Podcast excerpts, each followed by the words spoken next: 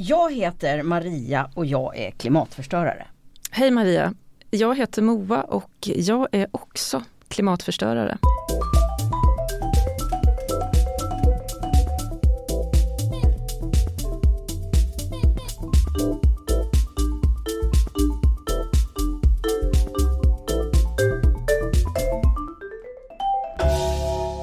Hörru du Moa, är det någonting som du vet skadar klimatet som du har särskilt svårt att avstå från? Det har jag och jag tror att det, det värsta, svåraste, det är shopping. Mm. Eh, och jag har lärt mig att inte gå in i butiker så ofta. Mm. Men sen klickar jag hem grejer på telefonen och det är jättesvårt att låta bli. Och varje gång mm. tänker jag, nej det här är inte bra. Och så mm. gör jag det igen. Mm. Det är skitsvårt att sluta. Mm. För att jag behöver så mycket saker. ja. Det är ett beroende som jag ja. inser är klimatförstörande. Som är, ja, det är svårt. Ja. Du då? Ja, nu ska jag öppna för någonting som jag tycker är skitjobbigt. Det är att eh, jag har för mycket bostad. Jag vet att det är, ja, det gick bra att sluta flyga och, och, det kommer, det går bättre och bättre. Jag kommer köra mindre bil och sådär. Det, det, går, det går, går åt rätt håll. Och kött äter jag inte.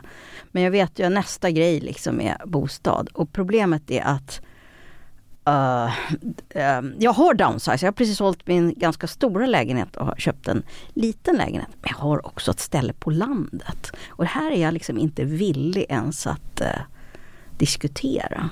Nej, ja. jag kommer inte tvinga dig, jag antar att vi Nej. båda är här frivilligt. Jag vet, men jag, jag tänkte att det skulle vara sådär väldigt orätt öppen med mig själv. och det är alltid läskigt. Mm. Mm. Men vi har ju två stycken gäster som också är eh, inne på det här på olika sätt. Och vad är det här? Det här det är ju beroendet ah. som man skulle kunna kalla klimatförstörandet. Att vi är liksom beroende av våra klimatförstörande vanor. Ja, och nu i det här avsnittet så ska vi liksom prova det perspektivet. Vad händer om vi ser våra klimatskadliga handlingar som ett beroende? Utifrån ett beroendeperspektiv. Vad händer då? Vad, vad får vi syn på? Vad blir möjligt? Och, och, har det kanske några baksidor också? Johan Rounanen, du har också klurat kring detta i podden i tolfte timmen. Välkommen hit. Tack så mycket. Du gör den här podden ihop med Gustav Skarsgård och eh, ni kallar det som att ni är två tillfrisknande alkoholister som filosoferar kring kopplingen mellan beroendesjukdomen och klimatkrisen. Ja, det stämmer väldigt bra alldeles precis det, Maria. Vilken tillfällighet. Vilken och så råkar du vara här. Mm. Ja, och sen med oss har vi också en psykolog, Greta Wester. Välkommen hit. Tack. Du har ju ett klimatengagemang som du också doktorerar på, på Karolinska institutet inom beroendeforskning. Och du har ju funderat på vad som händer om man ser våra klimatskadliga livsstilar som just beroende. Ja, och kanske framför allt hur vi kan nyttja hur vi jobbar med beroende till att överföra det inom hur vi kan jobba med klimatovänliga vanor.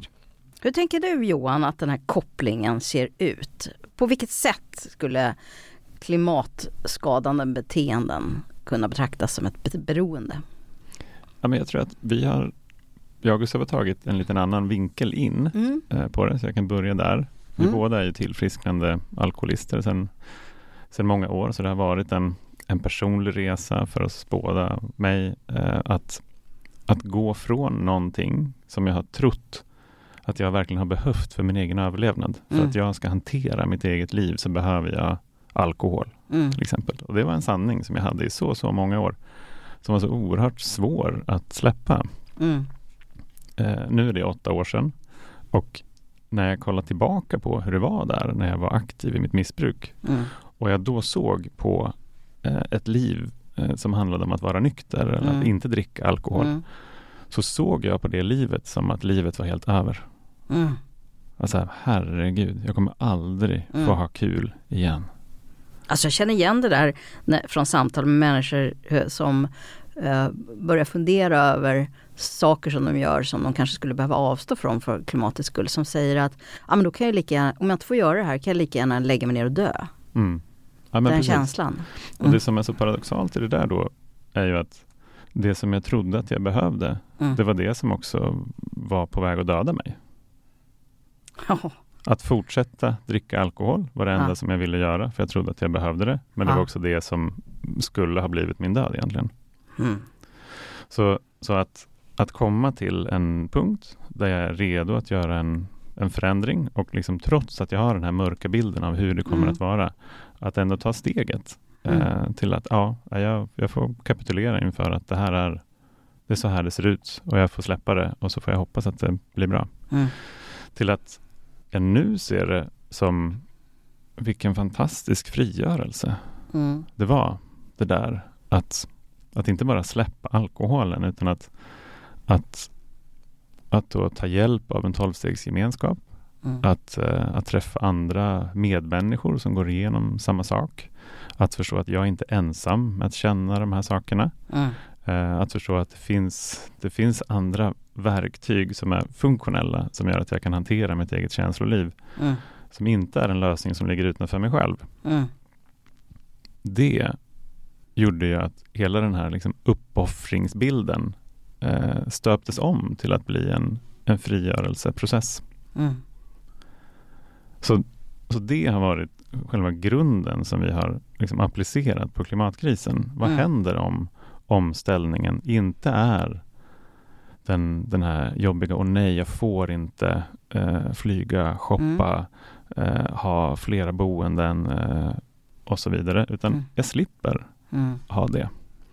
Jag kan frigöra mig från de här sakerna som jag tror ska lösa något mm, inre problem, något inre skav, Mm. någon känsla av otillräcklighet eller Men kunde du känna så innan du gjorde den här omställningen?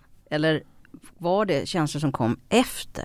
Kunde du ana att det kunde bli så? Är det möjligt att tänka i förväg så här, ah, livet kommer bli härligare? Nej, det kunde jag inte alls tänka Nej. mig förut innan Nej. jag blev nykter. Nej. Absolut inte. Nej, jag tr- trodde att livet Du skulle gjorde vara det över. ändå? Jag gjorde det ändå. Ja, precis. Ja. För att konsekvenserna av att fortsätta Ja. som jag gjorde Ja. var alldeles, alldeles för jobbiga. Det är ju inte svårt att se kopplingarna till klimatkrisen när du berättar det här då. Eh, äv- men det, jag, i min hjärna som retoriker dyker det genast upp, är det en är, är, hur mycket metafor är det här och hur mycket är det liksom en, en, en korrekt beskrivning? Alltså en metafor är ju så ungefärlig. Ja. Och den är fun- funktionell för att den är pedagogisk på något sätt. Men eh, är, motsvarar beroen, de bero, eller motsvarar de här vanorna vi har som skadar klimatet ett alkoholberoende? Och på vilket sätt gör det det i så fall? Ja, jag tror att det gör det i olika utsträckning. Mm. Och det beror helt på syftet med varför vi gör det vi gör. Mm. Håller du med om det Greta? Ehm, ja men alltså det gör jag till, alltså till viss del. Det finns ju verkligen saker som liknar det Mm. i form av liksom fungera på kort sikt, härligt på kort sikt, dricka eh, och sen så på lång sikt Mm. liksom eh, så blir det Mm. jättemycket negativa konsekvenser. Mm. Ehm, och kanske hur det är liksom, socialt inkorporerat i samhället Mm. och liksom ett sätt att fira och så. Så det finns ju verkligen Mm. eh, det finns ju verkligen liknelser. Sen så är det ju grejen med liksom klimatomställningen eh, det är ju också så fruktansvärt, det är ju som så många beteenden som vi ska ändra på Mm. och i olika utsträckning och det kommer vara kanske vara utmanande i olika sammanhang. Vilket ju också det såklart är med att ändra, eh, eh, liksom ändra ett bruk av alkohol eller narkotika eller Mm. så. Eh, så att jag skulle säga, så här, ja, men, alltså inte 100% men vi kan absolut ta lärdom av det. Det är absolut inte bara metafor. Mm. Eh, men men Vi har kanske ju inte inte, den cent- centralstimulerande effekten så att säga. nej På samma sätt i alla fall. Det är i alla fall ingenting vi som sitter här är, exakt. kanske kan säga någonting om antar jag. Exakt. Ja. Men, men man kan lära, alltså inte bara ur metafor eh, liksom, perspektiv utan även i liksom, metodperspektiv i hur vi jobbar med beroende. Eh, anser i alla fall jag att det finns jättepotential med att bara istället för att eh, liksom, uppfinna hjulet igen inom så här, hur ska vi ändra beteenden inom liksom, att få dem mer klimatvänliga eh, så kan vi absolut lära jättemycket från hur man jobbar med beroende. Men det finns väl andra begrepp Jag vet inte hur mycket man använder det inom psykiatrin men jag tänker även vad gäller alkoholmissbruk eller eh, drogmissbruk att man också pratar om medberoende. Mm. mm. Och det är ju en person som lever nära någon som har ett missbruk eller beroende. Mm.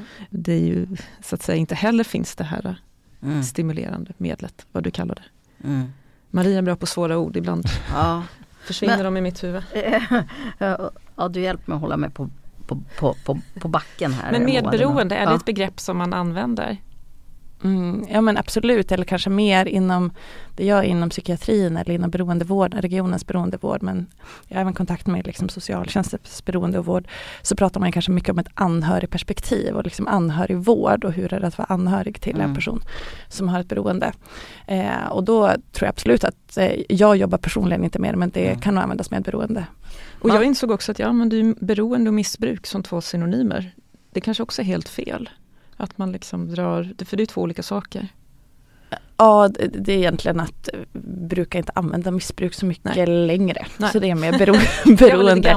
beroende är mer 2023. Mm. Men det används jättemycket. Men det, vi brukar ja, Men om man ser eh, om man ser klimat, att, att eh, till exempel mm, massiv konsumtion som skadar klimatet, mycket flygresor och andra klimatskadliga handlingar. Om man ser det nu som ett sorts eh, beroende. Då funderar jag över så här, vad är det som finns i den tankegången eller i den metaforiken då som kan hjälpa en. Ja men sådana här begrepp som du nämner, medberoende skulle kunna vara ett. Eh, medberoendet eh, när det gäller då klimatskadliga handlingar, det skulle kunna vara dels ett de riktigt närstående som är ju att man är del av en grupp eh, och man påverkar varandra i hur man lever och konsumerar. Men det är också på ett annat vis än när det gäller till exempel alkohol och droger så får det konsekvenser för människor väldigt långt borta också. På ett sätt får det kanske det med droghandel och sådär också men kopplingen är inte riktigt lika tydlig. Nej, men alltså, ja. eh, när man pratar om liksom anhörig liksom anhörigperspektiv mm. och medberoende inom beroendevården. Mm. Den kopplingen kanske jag inte helt skulle hålla med om för där är Nej. det ju mer att man pratar om att jag som anhörig nästan gör det möjligt för dig att fortsätta med ditt drickande ja. eh, på ett sånt sätt. Ja, just det. Så det är kanske inte att vi gör det som en grupp tillsammans utan ja. mer att eh, om jag skulle vara tillsammans med Johan här och så håller han på att jag på något sätt eh, gömmer alkoholen när vi har gäster och jag, jag, jag, liksom gör det. Eh, så, så den kopplingen har jag i alla fall inte tänkt på riktigt som lika Men om vi tar några andra kopplingar då? Om vi tänker oss att, ett bero, att vi tänker något som ett, om vi tänker det som ett beroende, då skulle vi också kunna tänka för det första att det är en kraft kraft som på något vis är större än en själv. Det är nästan övermäktigt. Eh, och att vi på sätt och vis är ett, det är klart att vi har ett val men vi är ett offer i detta. Eh, och att man, vi brukar ju också tala om, vi tar ju hand om beroende inom sjukvården. Vi ser det som en fråga om hälsa. Och då kan man ju se beroendet som en sorts sjukdom.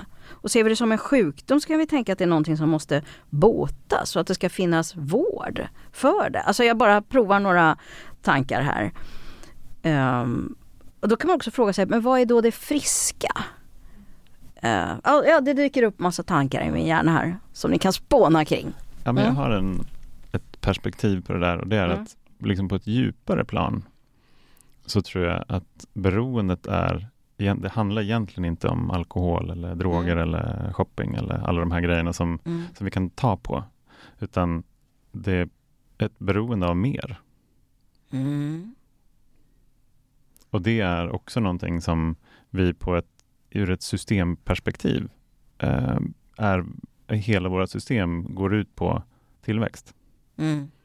Inom så en, nästan en, en tillväxt in i oändligheten mm. inom eh, liksom definierade gränser. Och det mm. kommer ju aldrig att gå. Mm. Eh, liksom i, ur ett klimatforskarperspektiv pratar man om planetära gränser till mm. exempel. Och det där rimmar ju inte med tillväxt. Mm. Men vi är ju som ser oss som nästan konsumenter eh, på en marknad så är vi ju väldigt liksom vi påverkas ju till att konsumera, vi påverkas till att inte vara nöjda med bara det vi har. Vi vill mm. ha vi vill mm. ha någonting större, vi vill ha någonting mer, vi vill ha mm. en högre lön eller ett större hus. Vi ska ständigt eller... utvecklas, vi ska inte vara nöjda. Nej, precis. Och, ja. och så det är nästan, jag tror att det är det som ja. är själva grejen. Och sen kan den ta sig olika uttryck. Då, då, I så fall så är ju en parallell mellan de här beroendena att det är samma kärna. Jo, I tidigare avsnitt hade vi med KG Hammar och han pratade om en del av den här liksom, eh, de här beteendena som vi har som ett hål. Som Ja, ett hål som behöver fyllas liksom, på, på något sätt. Ehm, vi hade också tidigare avsnitt eh, med Åsa Kalmer som handlar om tillräcklighet och nöjdhet. Båda de här temana eh, har ju kopplingar till det vi pratar om, om nu. Kan vi inte vara nöjda? Och vad kan vi fylla? Kan, kan vi låta bli att fylla våra hål eller måste vi fylla dem med något annat? Ja, Ja.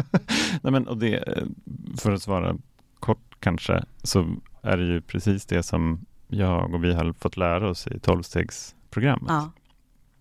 Som ju då bygger på 12 steg för ett personligt tillfrisknande. Som är en, som är en andlig process. Som ja. handlar om att man, man först erkänner sig maktlös inför det beroende man har. Och Ja. att man också erkänner att mitt liv är ohanterligt när jag håller på så här och försöker leta den här externa lösningen på ett inre problem. Mm. Och sen handlar det om att den här, du, du nämnde ju en, en, en kraft större än jag Mm. själv som beroendet. Det handlar om att hitta liksom en, en positiv större kraft Mm. än jag själv som kan balansera upp det där. Mm. Eh, och det blir kopplingen till andlighet. För vissa Men när du säger så, andlighet så tänker jag ju genast på religion. Krävs det religion för det här? Nej, det gör det ju inte. Nej. Utan det, du kan ju vara andlig utan att vara religiös. Mm. Utan det handlar snarare om att hitta någonting som är större. Alltså Mm. för vissa så kan det vara en tolvstegsgrupp. Mm. En grupp människor som jag kan lita på, där jag kan finna stöttning och kärlek Mm. till exempel. Eh, och för vissa så är det Gud i någon form av traditionell mening. Mm. För andra så kan det vara naturen eller ja, någonting som jag helt enkelt kan få en, Mm. en positiv Mm. eh, kraft ifrån. Och som kan hjälpa mig i att liksom gå från det här tillståndet av beroende till att, till att bli fri. Och de andra stegen då? Ja, precis. Så de, efter, man då har hittat, de, dels att ha erkänt att man inte klarar det själv och liksom att be om att få hjälp av liksom någon större kraft, så handlar det om att göra ett, ett, ett inventeringsarbete. Mm. Att kolla på alla saker som till exempel som, som, som skapar väldigt negativa känslor. Eh, eller som jag upplever som negativa i alla fall, som kan vara ilska, det kan vara avundsjuka. Vi pratar mycket om harm i tolvstegsgemenskapen. Harm, det är ett fantastiskt Mm. bortglömt gammalt Eller ord. Som vi hade faktiskt med i ett tidigare på, poddavsnitt där Sverker Sörlin sa att han var harmsen. Ja, just Det är det. lite omodernt. Ja. Ja, exakt. Men det berätta, harm vad det tänker du? Ja, precis. Nej, men harm, jag, jag likställer harm med mycket av det som jag går runt och ältar. Mm, allt det här som liksom nästan äter upp mig Mm. inifrån. Mm. Det är det som jag harmas på. Mm. De där jävla Mm. politikerna eller Skatteverket eller Mm. grannen eller frun eller kollegan på jobbet. Eller liksom, Lantmäteriet. Ja, Lantmäteriet Mm. till exempel. Ja. Ja, allt det där. Och, Mm. och varför är det viktigt? Jo, för att jag som, ja, jag får massa bilder upp här.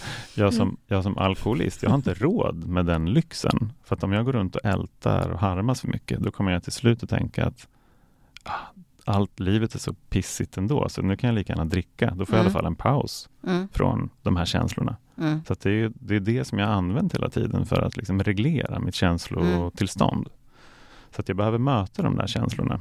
Men tror du att vi reglerar en del av vårt känslotillstånd då med, med konsumtion eller eh, frosseri av olika slag eller Alltså, resor? jag tycker att det låter som en bra beskrivning. Jag Mm. tror jag känner igen mig. Alltså att just Mm. det här att bota ältandet skulle jag säga är, är ett evigt problem och det kan botas med, med shopping. Jag, när jag köper hem, alltså när jag klickar på telefonen, Mm. då får jag en känsla också för att jag har löst ett problem. Ja, fantastiskt.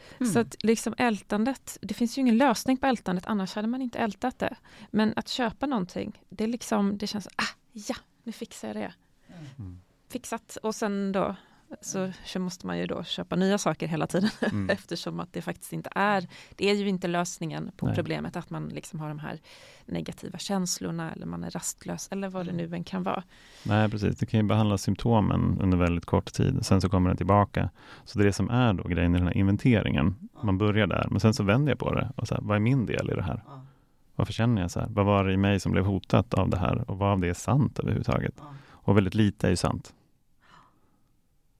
Så det erkänner jag för en uh, vi tar alltid hjälp om någon som har gått före som en sponsor. Alltså hotet är inte sant, man upplever ett hot. Precis. Lantmäteriet är inte exakt så besvärliga. jo men ja. ja, precis. Mm. Men det är jag som går igång på det. Mm. Mm. Ja, men alltså, ibland så känner jag att gå igång på saker och mm. ilska kan ju vara en produktiv kraft. Men när absolut. vi går över till ältande då hamnar man ju mm. absolut. Vad, vad, säger du om det här Greta? Är det liksom är vi helt ute och cyklar i hobbypsykologens grumliga vatten eller? Eh, nej, men, nej men det är väldigt eh, bra att faktiskt också ha, jag tänker att det är bra att ha tolvstegs eh, perspektivet här för det är liksom en metod som vi jobbar med eller som eh, inte vi men som man jobbar med beroende och eh, det är ju mycket liksom volontärgrupper, att det är grupper som gör det frivilligt. Man använder tolvsteg lite grann just som runt om i socialtjänsten och det har ju visat sig vara jätteeffektivt. Sen mm. så finns det också andra metoder som man använder mer kanske i, i sjukvården och samtalsmetoder där för att bryta. Eh, och det tänkte jag, jag tänkte bara plocka upp det när du mm. sa mm. tidigare där Maria, liksom, är det här, man får ju sjukvård för beroende, mm. ska man liksom få sjukvård för sånt här beroende? Ja. Och det jag tänker att man liksom kan förtydliga där, när det kommer till beroende som liksom, om det ska bli liksom en psykiatrisk diagnos, ja. då handlar det om alkohol, narkotika eh, och eller spel, alltså ni vet ja. spel för pengar i ja. på sätt. Eh, och eh, varför liksom de här blir en psykiatrisk diagnos och man inte kan få diagnosen shoppingberoende. Mm. mm. Eh, det är ju helt enkelt för liksom risken för hälsa. Mm. Att du liksom kan för verkligen sabba. För den egna hälsan, inte andras. Exakt, exakt. Och då var det ändå någonting, liksom mm. spelberoende diagnosen den kom ganska nyss. Mm. För det är ju helt plötsligt ett beteende som, som blir en del av samma liksom, paraply.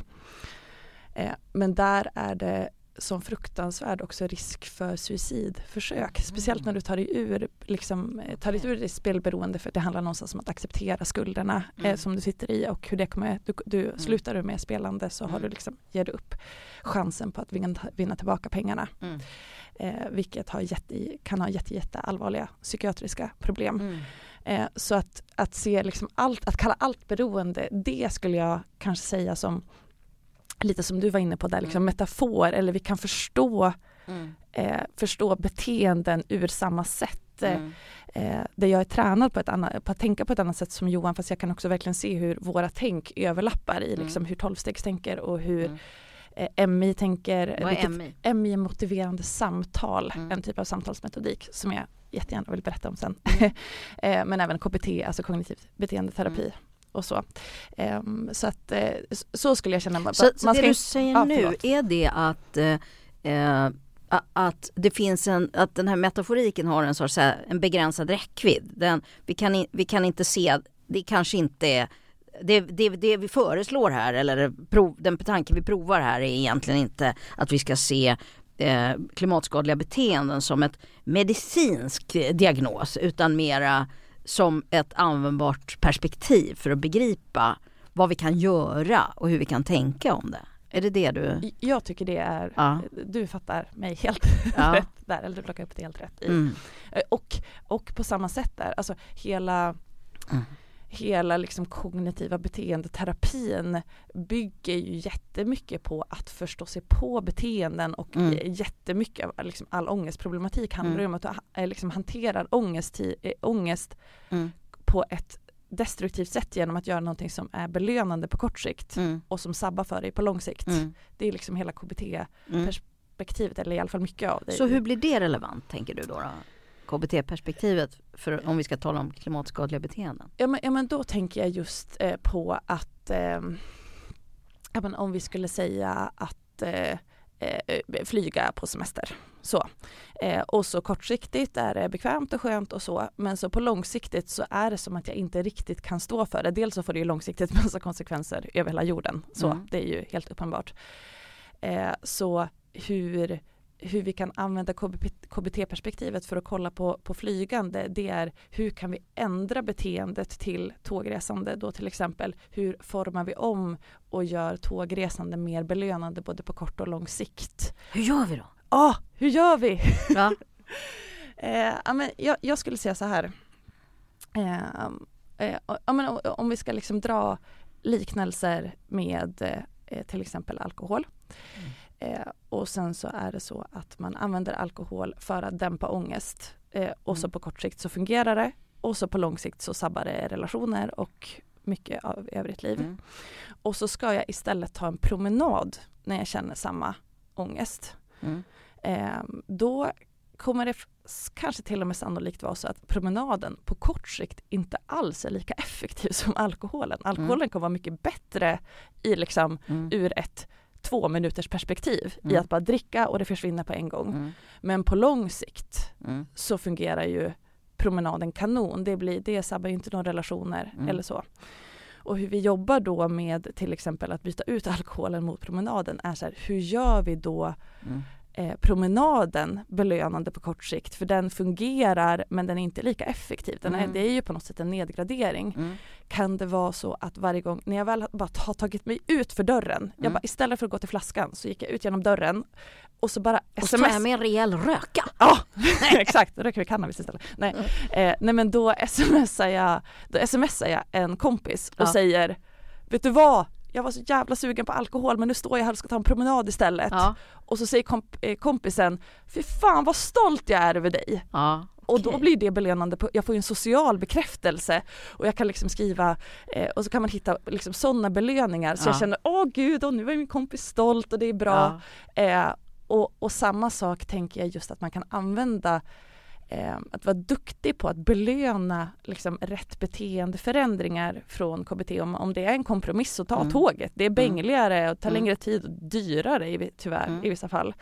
Att då liksom kunna eh, kunna använda KBTs kunskap i att göra det belönande. Att chefen säger Gud vad stolt jag är över dig, Gud vad mm. bra att du tar det här mm. initiativet till konferensen. Men det förutsätter det. att det då finns någon annan som kan ge en Nej, nej nu, men, men, det är bara så ett exempel på en ja. förstärkare, hur mm. man, eh, mm. att man kan ha en social förstärkare. Men det mm. kanske är andra sätt att sätta över pengar till ett konto på en gång mm. och så, alltså att man loggar sin egen, eh, sitt eget eh, då al alkoholbruk eller sitt eget resande. Eh, men så att man gör det kanske, det kompromissbeteendet härligt på mm. kort sikt och då lär vi om oss och då kommer det liksom sen bli en ny vana. Men det är svårt. Alltså det är kan man använda straff också? det är morötter alltså, som du pratar om. Jag den där moroten med pengar. Mm. Då skulle jag ju kunna shoppa för dem. Ja eller hur! Ah, nu måste du börja dricka så att du kan sluta och så börja ja. ja. Mm. Eh, eh, alltså man, kan, eh, man kan absolut eh, mm. Eh, jobba med eh, straff men det är kanske inte det, det, det kanske inte är så här förstahands jag får prova tanken. Ja. utan mer göra, göra det riktigt härligt, göra rätt mm. på mm. olika sätt. Det är mm. ett sätt att jobba med mm. liksom, hur, vi skulle, hur vi kan lära från, eh, från kognitiva beteendeterapin. Det känns lite som att straff och skam Maria, det har vi liksom diskuterat mycket Ja, det tycker jag är två helt olika saker, straff och skam. Eh, skammen är ju social och där, eh, det, den leder ju också till en sorts belöning om man eh, eh, i alla fall det moraliska kollektiva samtalet. Om man, om man ansluter sig till det så är det också belönande. Men baksidan är ju att det är obehagligt att inte göra det. Mm. Men, eh, hmm. Straffet tänker du, det är mer liksom? Nej jag skojade mest men jag tänker så här eh, om man nu kan ringa ett samtal till någon som uppmuntrar en när man har gjort bra. Då skulle man också kunna tänka sig att man ger någon annan i uppdrag och eh, skälla på en om man har gjort något dåligt. Ja, ja. Men eh, jag, jag, tror som du att det är, är, är, är nog inte alls lika effektivt. Jag, jag, tänker, på, jag mm. tänker på några mm. saker när jag hör, jag tycker det är jätteklokt, alltså det mm. finns ju så många mm. olika vägar in till att jobba med, med beroende. Mm. Jag tror att för att liksom fortsätta lite på tolvstegs, mm. vi hann bara till hälften av de här stegen ungefär. Ja. Så, att, så, så att, att, fortsätta den, det är liksom att göra en värderingsförskjutning kan mm. man säga. När jag har fått syn på hur jag är som mm. aktiv alkoholist eller mm. annan typ av beroende. Vad skulle jag vilja vara? Mm. Vad är det för typ av liksom, Johan jag vill vara? Vill jag vara en, liksom en Mm. En, ganska, mm, en ganska kontrollerande och missunnsam, uh, bitter person. Eller mm. skulle jag vilja, vad skulle jag vilja vara? Men det, det hela liksom... det här resonemanget om att, ja, men att vi har ett hål och som vi mm. fyller då med alkohol och, eller som vi fyller med shopping eller resor och sådär jag, jag, jag, tänker, eh, är det så? Jag tror att det är så om man har blivit medveten om, om och kanske för många, om man har blivit liksom medveten om problemen med det man håller på med och ändå fortsätter. Men jag tänker att väldigt många som konsumerar mycket och har höga utsläpp eh, eh, är lite liksom naiva inför det. De är inte alls plågade. Eh, och, och fortsätter ändå. Det kan ju man också se paralleller till folk som fortsätter med sitt alkoholberoende och inte alls tycker att det är ett problem. Andra tycker att det är ett problem kanske. Mm. Och andra skadas, men de tycker inte det är ett problem. Nej, sen, sen mm. så, alltså ur, ur ett liksom rent övergripande perspektiv mm. så kan man ställa sig frågan, ja men hur mår vi då? Mm. Mår vi bra när vi får göra allt det här som vi vill? Alltså vi är ju superprivilegierade i Sverige. Mm. Mm. Men jag skulle inte säga att vårt, vårt liksom hälsa och välmående är på topp. Nej. Ändå, alltså uppenbarligen så funkar inte de här sakerna. Då hade vi inte behövt alltså, olika typer av eh, behandlingar eller vi hade inte behövt ha lyckopiller eller vi hade inte behövt eh, medicinera mot eh, psykisk ohälsa. Om det hade funkat. Ja, om det inte är så att livet ändå innehåller svåra och tuffa tider för alla människor. Absolut, men uh, det kan ja. vi ju göra. Frågan är bara hur bara så livet är. Ja. Men tillbaks till detta med att se sig själv, göra den här inventeringen som du pratar mm. om. Är inte det det allra svåraste? Jag tycker att jag gör så mycket motstånd mot mig själv när jag vill se mig själv i vitögat. Alltså hela tiden kommer de här argumenten upp för alltså, och jag ser ju de skon, det är ganska jobbigt att hålla på och forska om det här för jag ser ju mig själv i ett förskräckligt skoningslöst eh, strålkastarljus liksom. Och kommer på mig själv hela tiden med att försöka liksom rädda mig från att behöva ta i de jobbigaste insikterna om mig själv. Och, och när man väl har gjort det, då kanske man kan gå vidare i den här tolvstegs, vi har som sagt bara hunnit hälften. Men jag mm. tycker att det är väldigt spännande med en del av det här tolvstegsprogrammet som handlar om att faktiskt fundera över vilka man har gjort illa. Ja, och till och med försöka gottgöra dem. Mm, eh, Men det kan man inte göra om man inte ens har sett sina egna brister liksom. Och det är så förbannat svårt. Vi är jätteduktiga på att vara kritiska mot andra. Men mm. att se oss själva är så himla svårt. Men det finns ju också ja. en väldigt, väldigt stor mm. frihet i det där. Om jag mm. tar ansvar mm. för mig själv mm. så blir jag fri. Mm det var, jag tänkte exakt tvärtom när jag var aktiv i beroendet.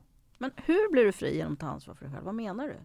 Ja, men jag menar det lät att, fint. Ja, nej, men, istället för att tänka att det är alla andras fel, ja. att jag mår så här, mm. om bara min kollega på jobbet hade gjort si eller så, mm. eller om bara min flickvän hade varit bla bla bla mm. eller så. Ja, då ligger liksom lösningen alltid utanför mig själv. Mm.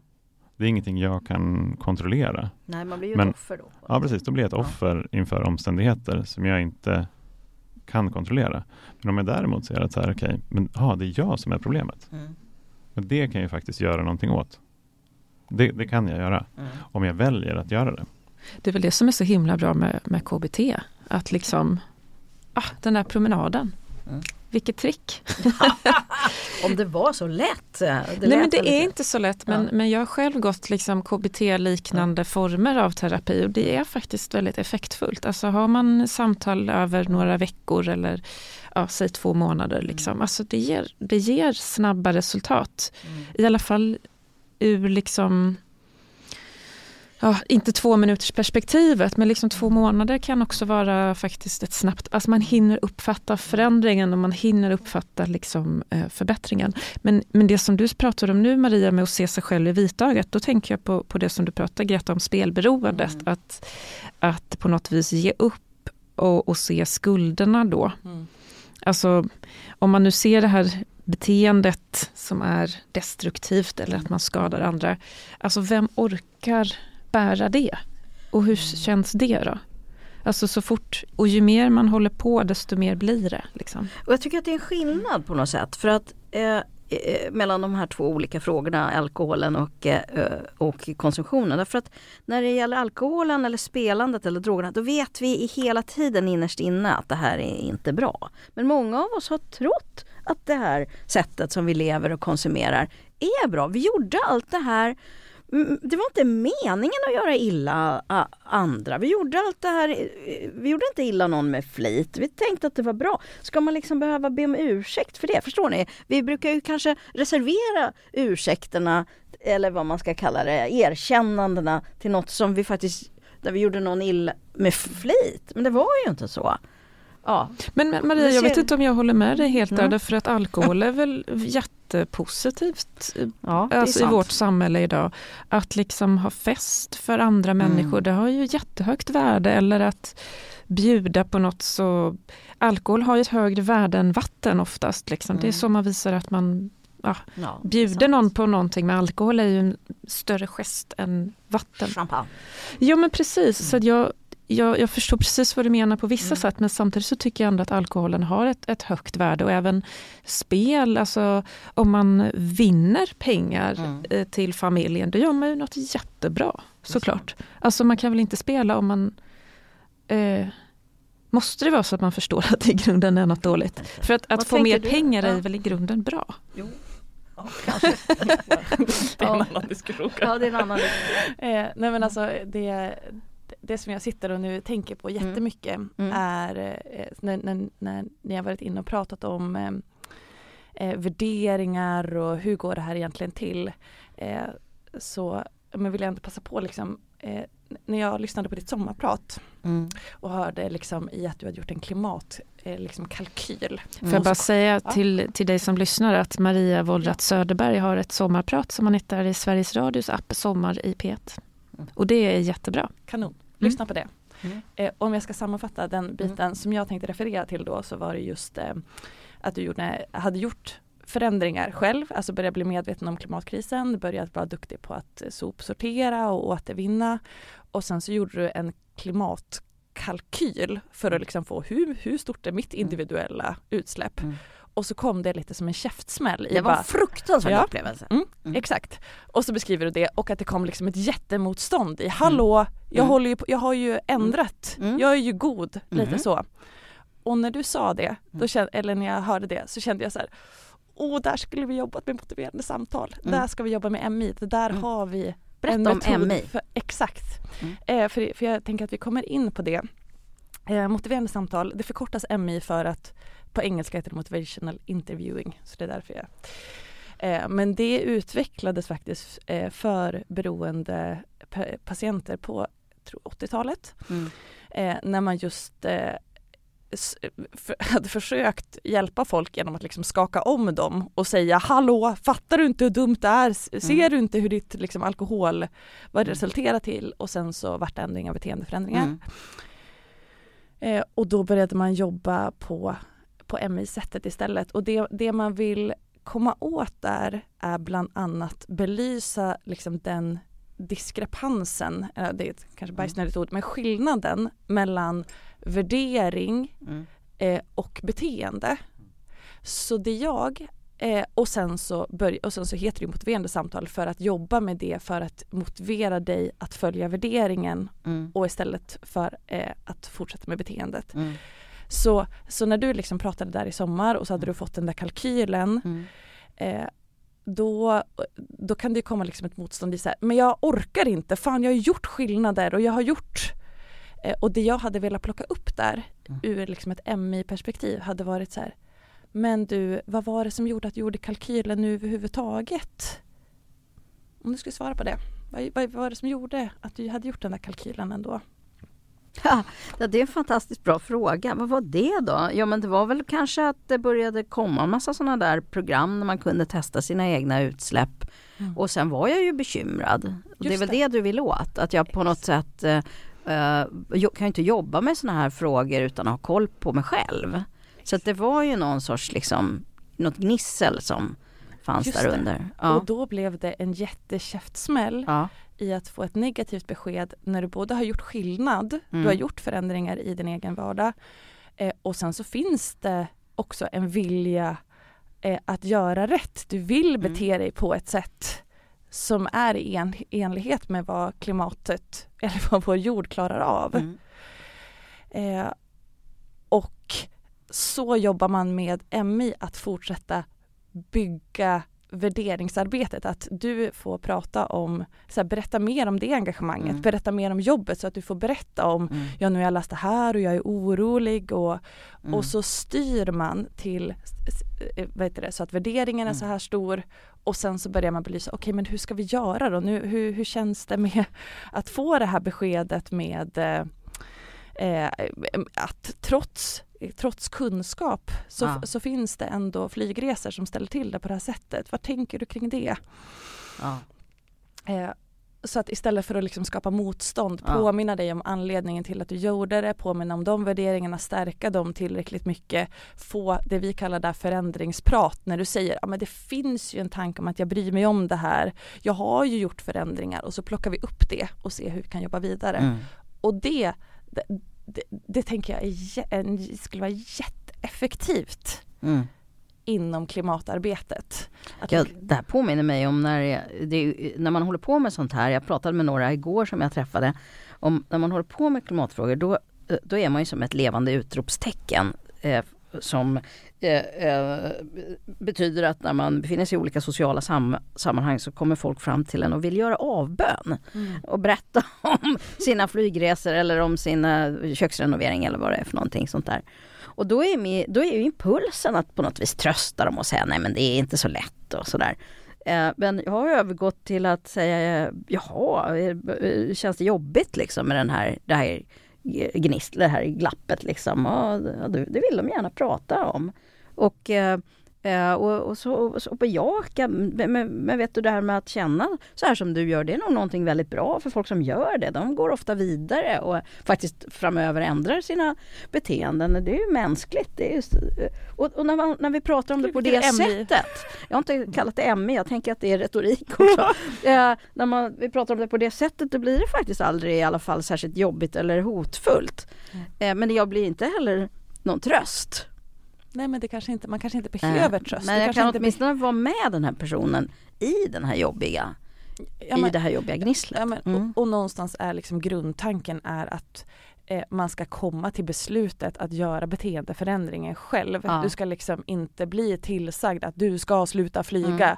utan jag ska känna så starkt att så här, jag, jag vill vara en person som går plus minus noll eller jag vill Mm. vara en som släpper ut så lite som möjligt. Mm. Okej, okej, det- gud jag, jag börjar bli redo att Mm. att nu blir det bara tågresor nästa år, Mm. jäklar. Och inte att någon säger åt mig att göra det. Mm. Så att eh, vad vad fint att du också jobbar som MI-terapeut. Am- ambulerande Ja, det är en sån här nödvändig grej för att hantera alla de här samtalen. Men. Det är ganska intressant, Mm. alltså, eh, apropå att vara det där utropstecknet. Alltså Mm. jag kan känna igen så oerhört mycket Mm. alltså samtal som jag får Ja, gud vad Från- mycket du måste få från höra. människor som är så här, Mm. ja, Tänk också nu när du har en podd så Ja. når du ju ut också Mm. till, ja men precis som Maria här, många, många människor. Mm. ja precis. Och, och för min del så kommer det kanske mer kopplat till alkohol. Mm.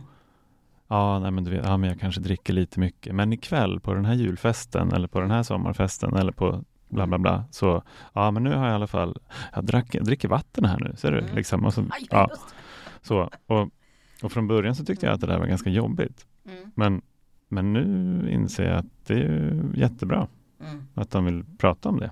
Mm. Men vad, gör, vad har du fått för eh, strategier då? Nej, men jag tror att precis som, alltså, som du är inne på Greta, så handlar det om att skapa en medvetenhet om mitt eget beteende. Mm. Så här, vad, vad blir det för, för konsekvenser Mm. av det jag gör? Mm.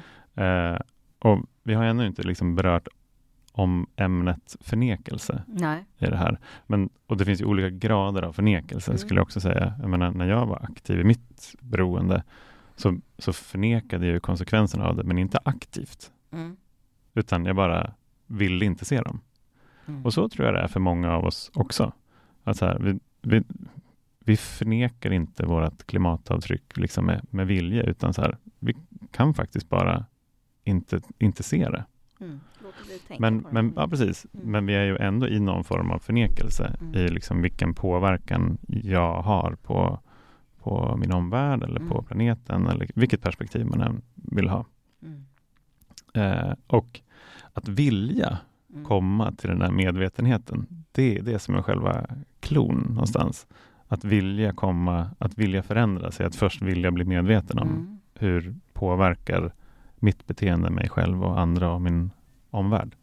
Men måste viljan alltid komma först höll jag på att säga. Jag tänker till exempel att det verkar som om vilja att leva klimatvänligt, vilket väldigt många människor har, inte nödvändigtvis alls leder till att de gör det. Men det behövs andra förutsättningar runt omkring en för att den där viljan ska på något vis eh, också leverera ett Mm. annorlunda beteende. Som att det finns ett socialt stöd. Eh, som att man kanske också har blivit väldigt rädd eller att klimatkrisen har kommit nära eller någonting. Vilken vilja tänker du på då Johan? Mm. Nej, men Central.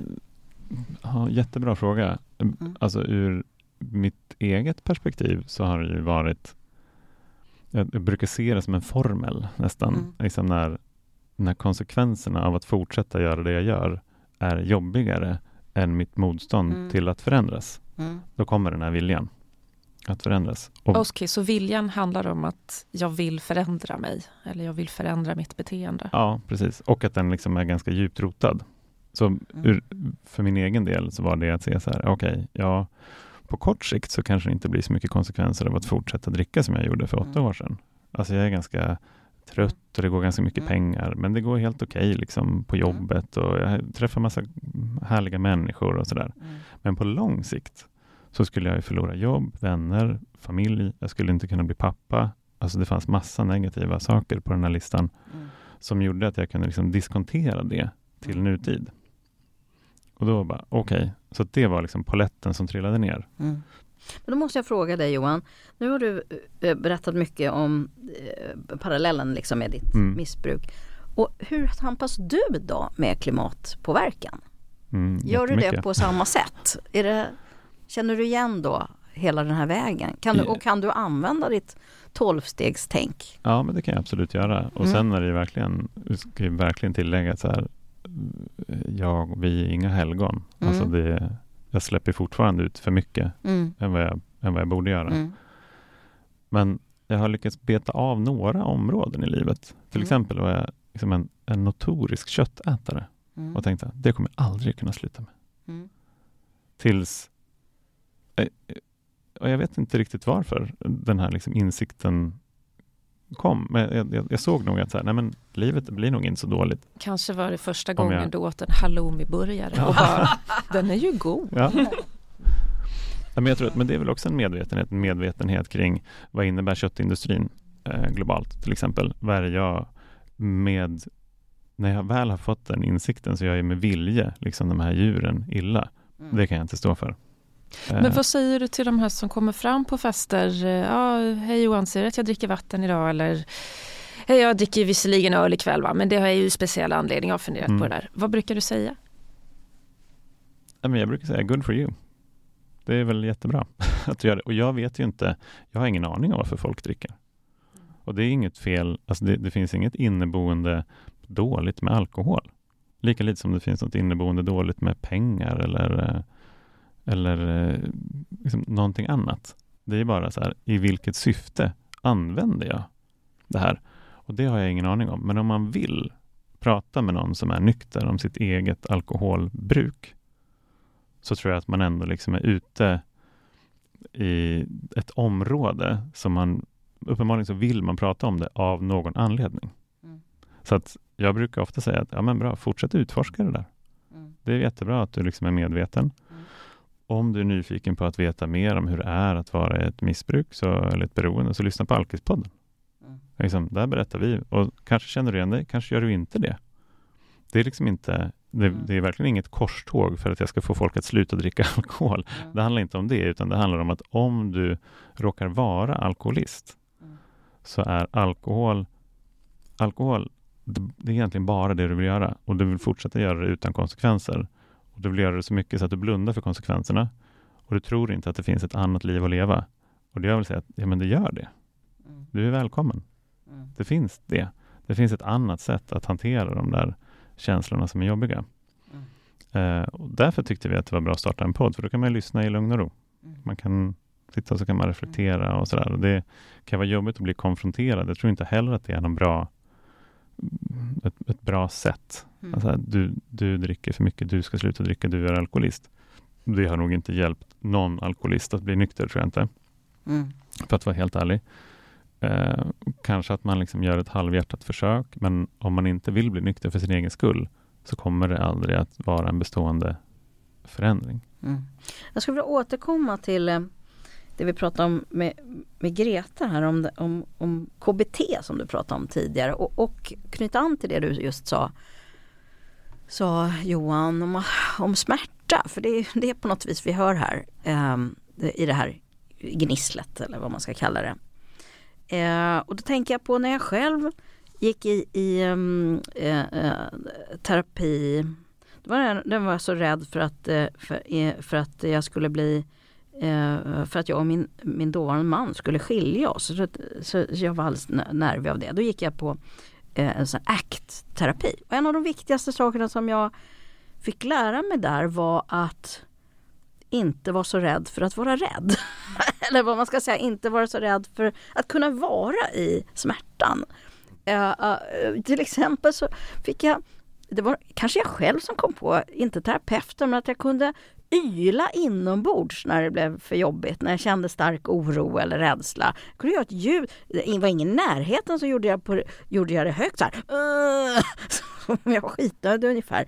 Eh, eh, och räckte ofta med att göra det där några sekunder eller upp till en halv minut kanske för att, för att liksom den här jobbiga känslan skulle tagga ner. Och jag börjar undra om det är en av, ett av hindren vi har, att vi det är så jobbigt med jobbiga känslor och vi är ovana vid att hantera dem. Så, så vi undviker dem på en massa olika sätt. Och eh, kan, kan man koppla det på något vis även till, eller jag tror faktiskt att man kan det när det gäller eh, klimat, eh, eh alla de här sakerna vi gör som både att se sig själv i, i vitögat men också att eh, titta på de här sakerna vi gör som faktiskt skadar andra, som är så obehagliga att se att man bidrar till. Eh, så att man nästan helst undviker det. Men om, om vi klarade av lite bättre att vara i den jobbiga smärtan som det är att se det här med öppna ögon, då kanske vi skulle kunna komma vidare på något vis, tänker jag. Eller vad säger ni om den här amatörpsykologin? Och, och sen tänker jag också att, att mm. en del av till exempel, om, som jag var inne på, det här liksom överkonsumtionen, shopping, mm. köpa solresa, det är ju ofta en direkt respons på någon inre jobbig känsla. Hösten kommer, det är mörkt, kallt, jobbigt och så tänker man, oh, ja, men om jag bokar en solresa, då har jag liksom, då löser det sig. Ja, det har du nog rätt Istället för att vara så här, ja det är mörkt, det är kallt, jag får ont i benen för det är så kallt jämt. Ja, då får jag leva med det. Men man vill ha en lösning och ja, det är inte helt dumt. Det har du nog rätt Just när det gäller resor kan det nog mycket väl vara så att man tröstar sig liksom också med, med det. Det. det. är fint att du, eller ACT är ju, det är ju liksom en, en vad ska man säga, en liten underkategori till KBT. Det ja. grundar sig i KBT men ja. det är liksom extra extra mycket fokus på då acceptans ja. som ju låter precis som det du beskriver i att ehm, eh, annars är ju väldigt mycket KBT liksom ändra beteenden mm. och se på sina tankar utifrån. Men att här har man vävt in kanske mycket från liksom mindfulness. Mm. Eh, att just ja, så här, så här är det nu och, och precis som du beskriver eh, jag behöver inte alltid fly från det. Nej. det. det tänker jag också jättemycket om meditation och ja. med att bara, bara sitta och observera eh, det, det, det, objektiva just nu. Och acceptans handlar ju om så här, så här, så här är situationen ja. just nu. Eh, då, eh, och, man pratar också där mycket om värderad riktning, den är också lik sånt när vi pratar om liksom grundvärderingar i att man ofta kartlägger så här, ja, men vilka grundvärderingar eh, är viktiga, viktiga för dig hur gör den nuvarande situationen så kanske undviker det. ACT kommer ju från smärt, alltså de som har kronisk smärta. Och hur, han, ja, och hur, eh, hur hanterar du eh, det går inte liksom att KBT bort att du kommer ha ont Nej. Jätte, jättemycket längre men hur hanterar du det? Ja. Och då kanske det ofta blir så att om du har eh, kronisk, kronisk smärta så börjar du avboka grejer och du undviker grejer ja. och det går inte att vara med. Och så blir det ehm, och, och, när man då kartlägger grundläggande värderingar så ser man så här, men allt det som jag värderar låter nu kanske också smärtan mig Ja. ta ifrån mig och Ja. att då acceptera, jag, kommer ha, jag, jag, vill fortfarande göra de här fast Ja. det kommer göra ont när jag gör Mm. det. Det är, det Mm. är liksom grundtanken Mm. med ACT. Det låter ju också lite likt, liksom det- tolvstegstänkt eh, lite där det. också. Det är ju Eh, lite så att när man är väldigt rädd för något eller när någonting är väldigt obehagligt så försöker man kontrollera det genom att inte tänka på det. Det är som att man har ett spöke i garderoben och det spöket håller på att bråka med en en jävla massa när det är i garderoben. Men när man öppnar dörrarna då är det liksom mindre läskigt. Eh, I alla fall efter ett tag. Ehm, så och, att, och så är det ju med typ, ja, jag ska bara säga så är det ju typ med som sagt all, all ångest. Alltså Ja. det, det typ en KBT-terapeut gör är hantera sätt som man flyr från ångest. Och om det då är via tvång eller om det då är för att du spyr upp mat eller kräks som bulimiker eller om det handlar om att ta droger så är det ju exakt det, en flykt från ångest eh, på, eh, som har blivit destruktiv. Det, det är det vi gör liksom, i behandling. I Storbritannien så har man samlat sådana här grupper med folk som vill ställa om eh, för att eh, man ska hjälpa varandra att tänka. Då föreställer man sig, väl sig från början att de mest skulle dela erfarenheter om, om hur man kan spara energi och sånt där. Eh, men det landade i att de hade visat sig ha väldigt stora behov av att just vara i de här smärtsamma sakerna. I rädslor för klimatomställning, i förlust, förlust av, Mm. av det, ja, det som går förlorat när klimatförändringarna påverkar omvärlden.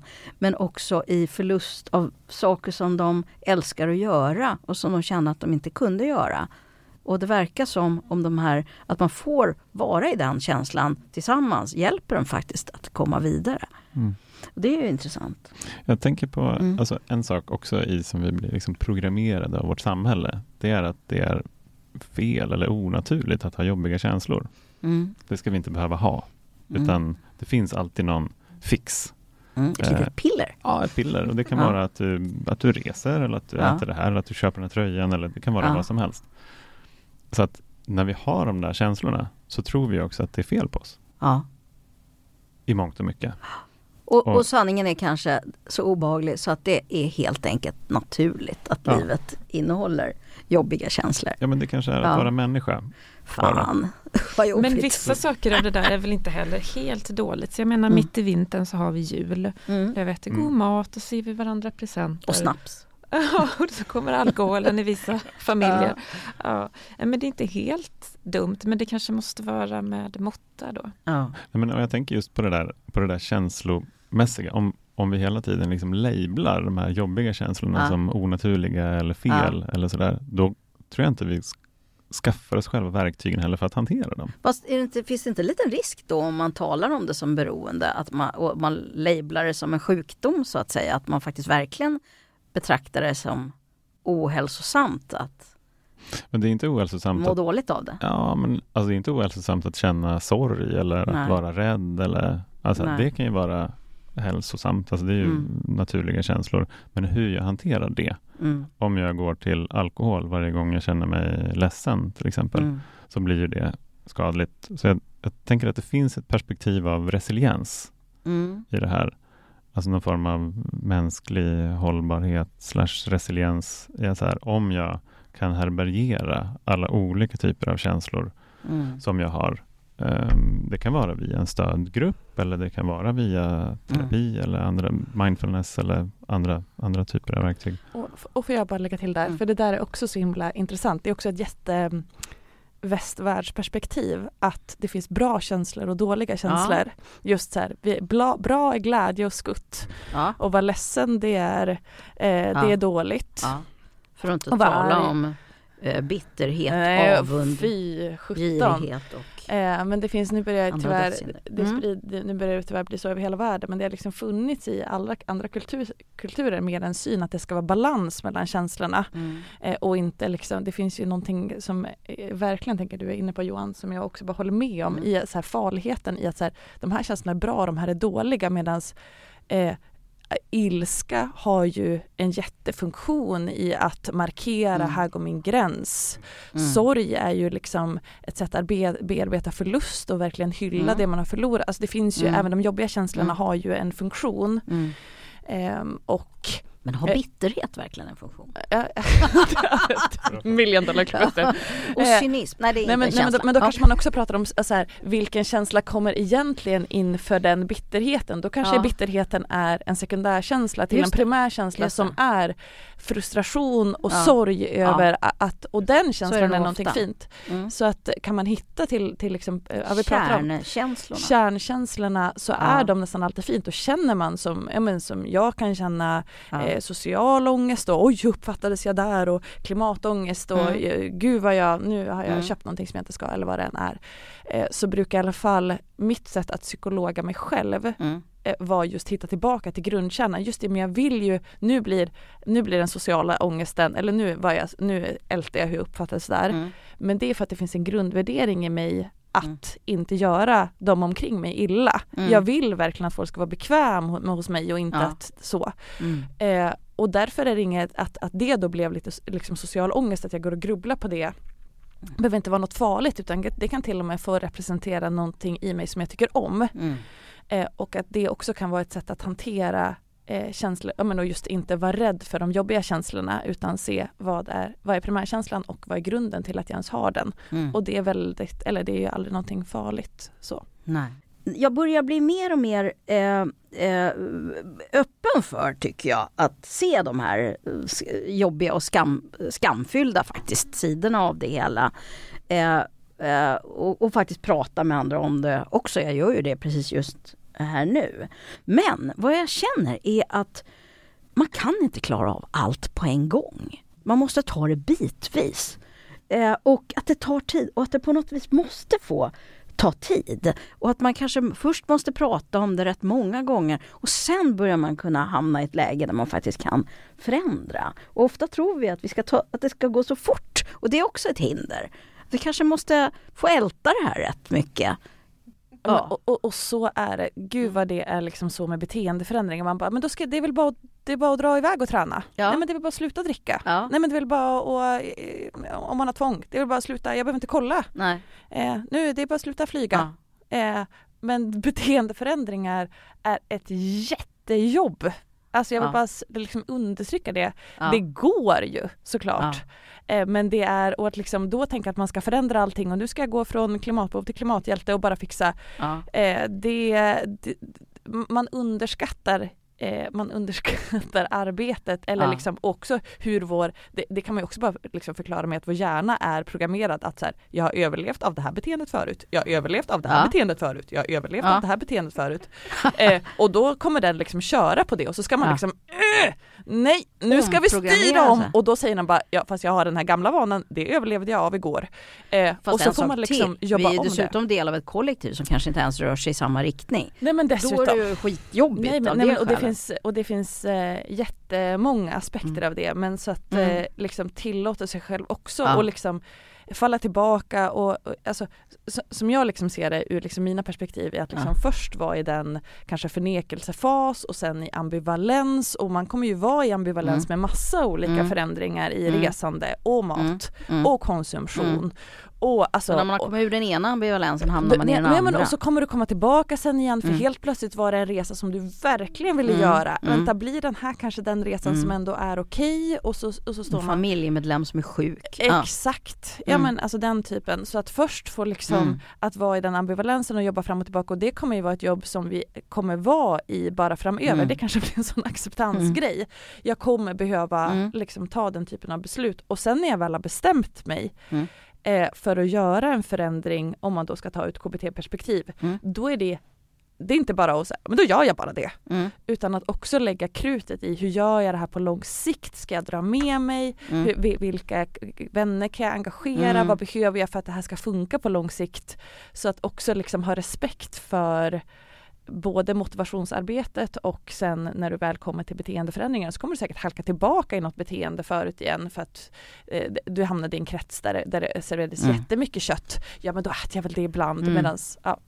Eh, så det vill jag liksom bara understryka att det är. det, Men det då måste jag ställa en fråga innan vi snurper ihop det här till er båda. Det är, om vi tänker så här att det gäller alkohol och droger, då om jag har förstått det rätt så pekar ju väldigt mycket på att det är ganska svårt att minska och att man kan faktiskt behöva sluta.